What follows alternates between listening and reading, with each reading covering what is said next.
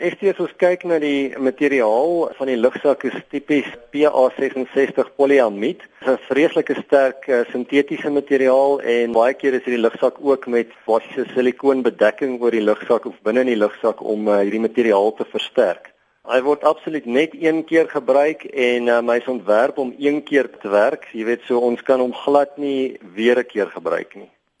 Die lugsak moet in 'n baie klein spasie inpas en wat ek nogal interessant vind, ek hoor daar is origami tegnieke betrokke om hom op te vou.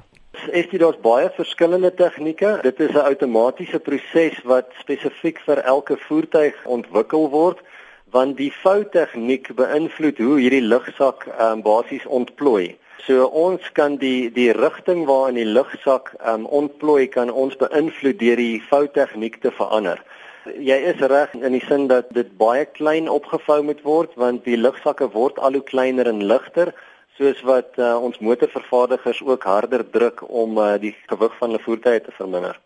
Kan jy 'n bietjie iets meer vertel van hierdie vou tegnieke wat gebruik word? Daar's rolvou tegnieke waar ons basies 'n vurk het wat 'n lugsak oprol in 'n ronde worsvorm. Dan is daar wat ons noem ehm, 'n um, samedruk tegniek waar ons die die lugsak saam druk in 'n vorm in en dan is daar ook ander tipe vou tegnieke waar jy amper soos jy 'n hemp sou opvou, 'n lugsak so sou opvou en baie keer is daar kom ons sê 'n kombinasie van hierdie 3 of 4 uh vou tegnieke wat gebruik word om die uiteindelike werking van die lugsak fyn in te stem.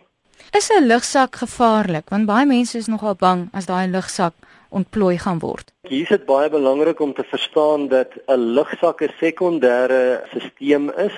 Ons primêre stelsel om enige insittendes in 'n voertuig in plek te hou, bly veiligheidsgordels.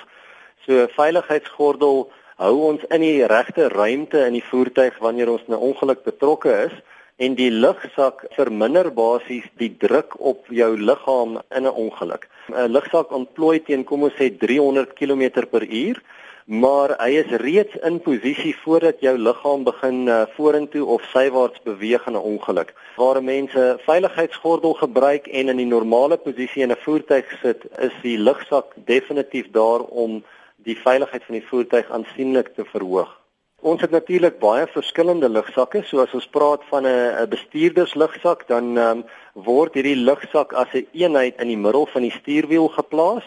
As ons praat van 'n passasierslugsak, dan word hy tipies in die instrumentpaneel van die voertuig ingebou sodat hy deur die instrumentpaneel uh, ontplooi in 'n ongeluk. Dan kry ons ook ons seillugsakke wat tipies in 'n sitplek, die kant van 'n sitplek ingewerk word. Knielugsakke, dis 'n nuwe tipe lugsak wat onder die stuurwiel um, ontplooi en basies onder die stuurwiel in die instrumentpaneel ingebou word om tussen die knie en die instrumentpaneel te ontplooi in 'n ongeluk.